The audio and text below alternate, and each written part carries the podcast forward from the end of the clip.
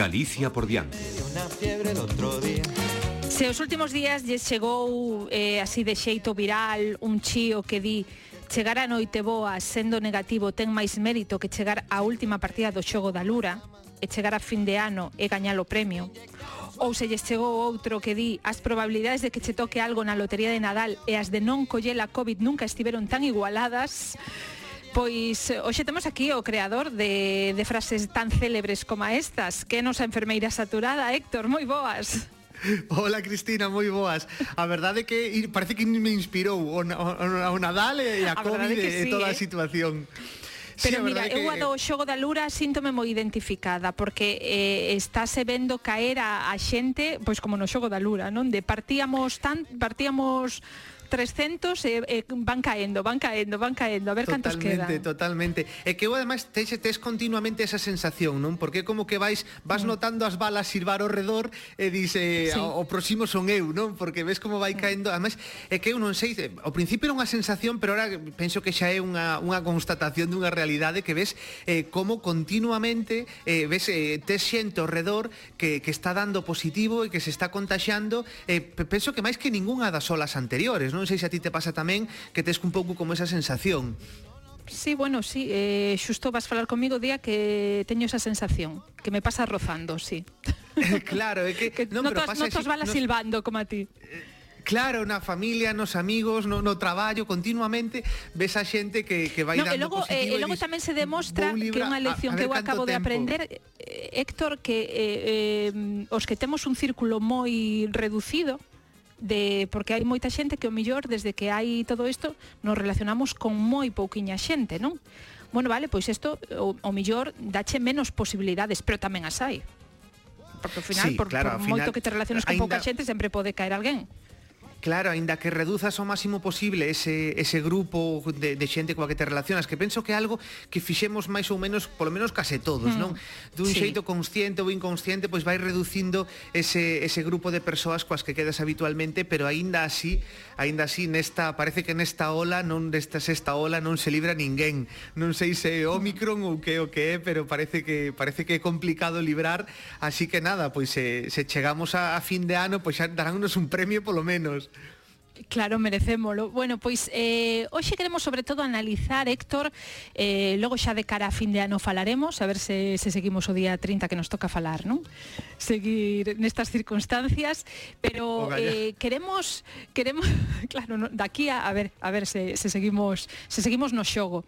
Eh, es que daqui o 30 de... ainda poden pasar moitas cousas, sí, sí. No, claro, por eso digo que quedan moitos xogos polo medio, eh? Quedan moitos días. Bueno, queremos analizar sobre todo a nova medida que onte se anunciaba, esta da máscara obrigatoria en exteriores, de novo obrigatoria en exteriores, aínda que con matices.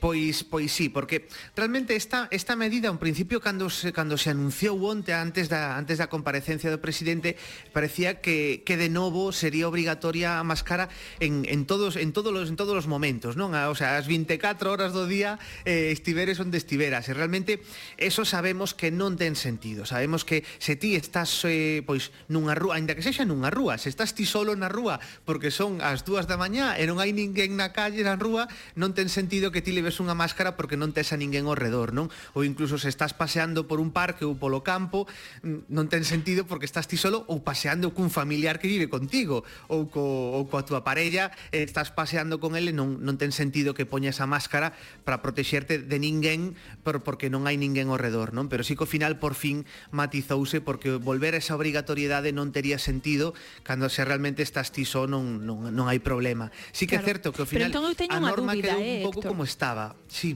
Claro, é, é a miña dúbida Que cambiou entón? Porque realmente isto xa Nada. era así É dicir, ainda, claro. exacto mm, Ainda que non era obrigatoria no exterior Sí que se nos obrigaba cando non podíamos manter a distancia de seguridade Outra cousa é que a xente non o fixese Ou houvese xente que non o fixese Pero xa era obrigatorio nos sitios nos que podía circular moita xente e non podías manter unha distancia de dous metros, que son moitos sitios.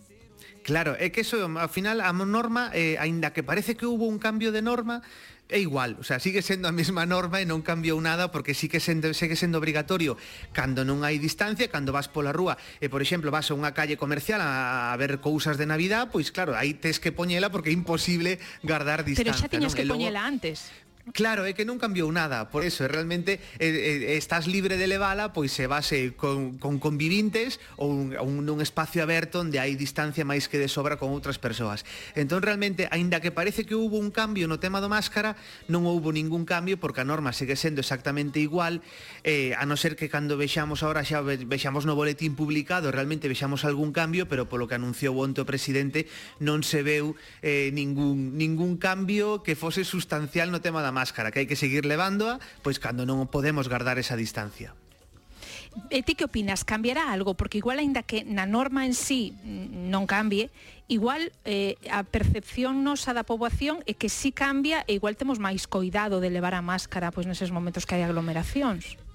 Pois, eh, por unha parte pode ser, por, o, o gallá sí que é certo que o gallá se, se usase a máscara cando realmente hai que usala, porque vemos, eso vemos todos, ven vas por unha, por unha rúa comercial, por unha rúa que está ateigada de xente eh, vendo as cousas do Nadal, eh, e ves, sempre vexe algún que non a leva, non? Incluso de, en determinadas cidades casi parece a maioría da xente a que non a leva, non? Entón, o gallá esta norma sirva para, para tomar máis conciencia, o que realmente eu penso que o que non a levaba vai seguir sen levala, non? O sea, por así decirlo, o que o que é parvo e non a levaba porque non é consciente da realidade, pois vai seguir sen levala por moita norma que, que lle poñan, non? Ao final, por desgraza, eh, a xente que non a quere levar, pois vai seguir eh, sen levala, aínda que o amenacen con multas e aínda que pase o que pase. Mm bueno, o, o resto da poboación, imos dicir, normal, eh, pois si sí, aprendemos, a, ás veces algúns puido nos costar máis que outros, pero aprendemos que as máscaras son unha ferramenta moi útil para frear os contagios. pero tamén está ben recordar que non son a única ferramenta.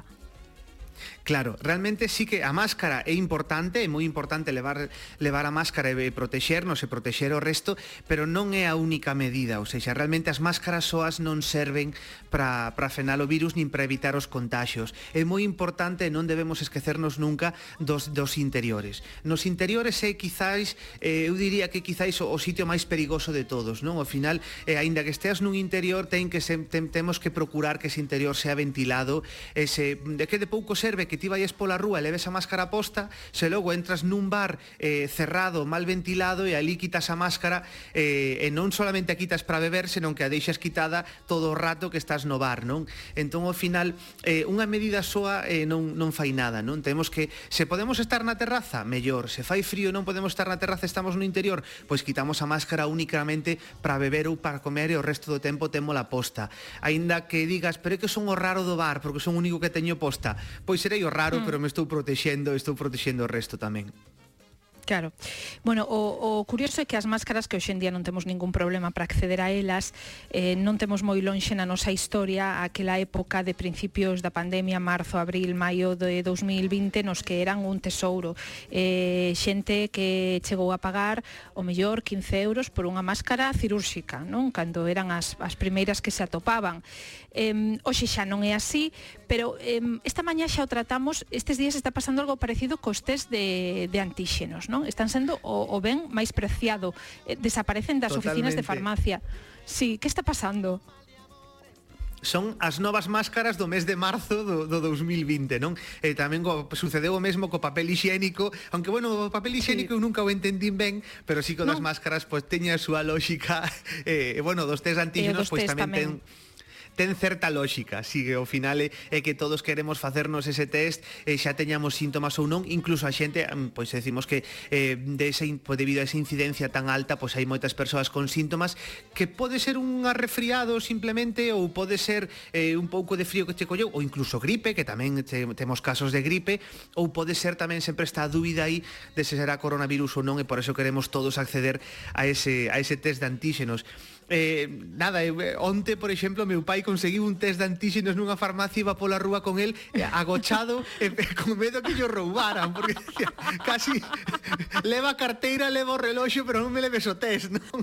claro, era, era casi o eso non? O, o que conseguir un casi é o, o mellor regalo de Nadal conseguir un test antíxenos, uh -huh. a verdade que están escaseando moito eh, e bueno, a ver se pouco a uña pouco pois se van repoñendo e sobre todo eh, se, a, se o mercan pois as persoas que realmente precisan mercalos e tampouco hai que acumulalos na casa, ou seja, realmente uh -huh. se con, con levar dous test chégate, pois non, non leves 20 puidendo levar dous. Eh, eh, cando é aconsellable facelo? Claro, pois nada, que mañá xa máis, mañá é noite boa xa, mañá xa. Canto máis cerca da, da cea, mellor. Claro, porque hai xente que está incluso indo os cribados masivos que se están facendo, xa falaba de xoche do que se está facendo en Lugo tamén. E claro, eh, hai xente que di, bueno, vou, vou hoxe o cribado e xa quedo libre para mañá, non para mañá sí. a noite.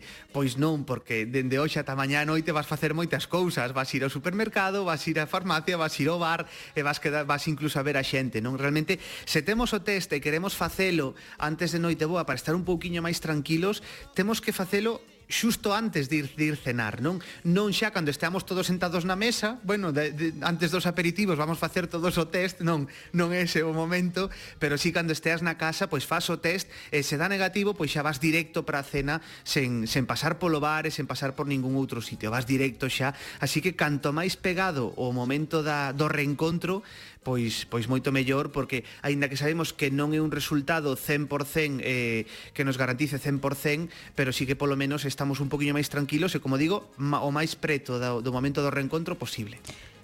Ti vas pasar a noite boa en Lugo? Pois pois sí, sí, a verdade é que estou uh -huh. desexando eh, porque xa fai, fai día xa que, que non estou coa familia e polo menos eh, vol, voltarei a Lugo a estar a esa noite boa coa familia farei tamén antes algún test por se si acaso porque encima en, en Madrid a incidencia tamén está altísima pero, pero a verdade é que xa teño ganas de, de estar coa familia coas, casi coas mesmas precaucións do ano pasado pero bueno, a diferenza principal é que polo menos temos as vacinas que están protexendo que, que non aumenten tanto os ingresos nos hospitais pero por outro lado lado temos a incidencia disparada, así que eh, se podemos xuntarnos poucos, mellor que moitos e toda a familia xunta. Claro, claro. Canto menos riscos mellor. Pois que pases moi boa noite boa, eh?